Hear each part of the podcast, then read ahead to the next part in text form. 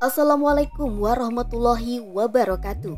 Berjumpa kembali dengan narasi podcast bersama saya Anita Yulianti di rubrik opini yang berjudul Pemurtadan berakhir dengan syariah kafah oleh Sri Retno Ningrum.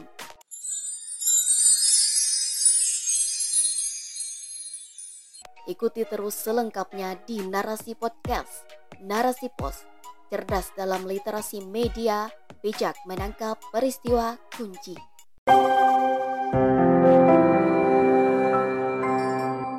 Baru-baru ini diduga telah terjadi tindakan pemurtadan sistematis di Kabupaten Langkat, Sumatera Utara. Adapun lembaga seperti LADUI MUI Sumut, Paham Sumut, dan TPUA meminta agar pelaku ditindak tegas oleh penegak hukum, khususnya pemurtadan yang menimpa Nur Habibah Boru Brutu, dilansir dari Port TV 13 Mei 2022.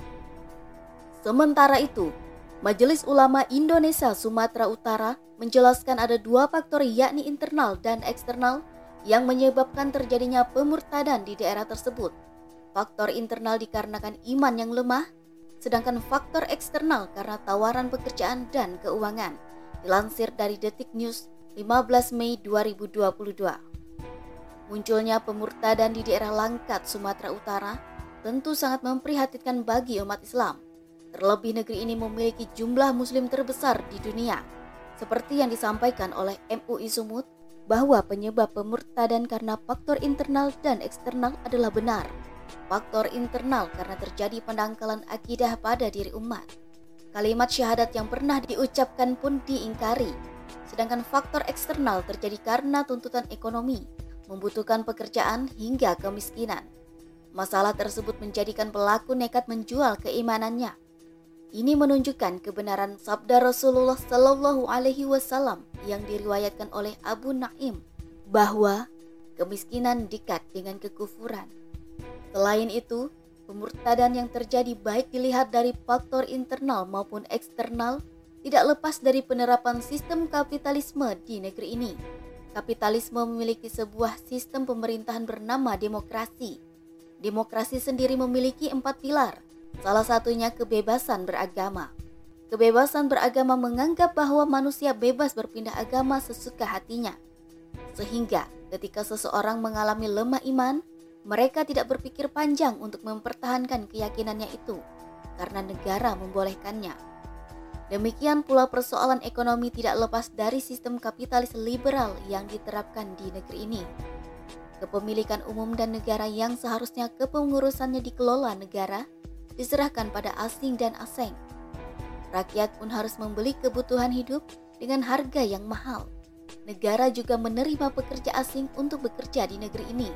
Akibatnya, lowongan pekerjaan bagi rakyat menjadi sulit. Walhasil, kemiskinan pun terjadi. Islam memandang bahwa keluar dari Islam atau murtad hukumnya haram dan mendapatkan sanksi dibunuh. Sebagaimana Rasulullah Shallallahu Alaihi Wasallam bersabda, Siapa saja yang mengganti agamanya atau murtad dari Islam, bunuhlah dia. Hadis riwayat Bukhari dan An-Nasai. Imam Syafi'i dalam kitabnya Al-Um menjelaskan bahwa seseorang yang berpindah dari kesyirikan menuju keimanan, lalu berpindah lagi dari keimanan menuju kesyirikan, maka jika mereka dewasa, baik laki-laki atau perempuan, dia diminta bertobat jika bersedia bertobat, maka tobatnya diterima. Sebaliknya, jika enggan bertobat, maka dia dihukum mati. Adapun hukuman mati bagi pelaku murtad akan terlaksana jika adanya sistem pemerintahan Islam atau khilafah dengan memperhatikan hal-hal sebagai berikut. Apabila pelaku murtad mau kembali pada Islam, maka ditunda hukumannya. Ia diberi nasihat untuk kembali pada Islam. Jika pelaku tersebut tidak mau kembali kepada Islam, maka dihukum mati. Penetapan hukuman mati diputuskan pengadilan syariat. Sungguh, kasus pemurtadan berakhir jika syariah kafah diterapkan di negeri ini. Maka, sudah seharusnya kita meninggalkan sistem demokrasi kemudian beralih pada sistem Islam atau khilafah. Karena kepemimpinan dalam khilafah akan senantiasa menjaga akidah umat dari pendangkalan akidah sehingga berujung pada pemurtadan. Lebih dari itu, kaum muslim dapat melaksanakan perintah Allah Subhanahu wa taala dengan totalitas atau kafah. Sebagaimana firman Allah Subhanahu wa taala dalam Quran surah Al-Baqarah ayat 208 yang artinya, "Wahai orang-orang yang beriman, masuklah kamu ke dalam Islam secara keseluruhan." dan janganlah kamu turuti langkah-langkah setan. Sesungguhnya setan itu musuh yang nyata bagimu. Wallahu alam bisawab.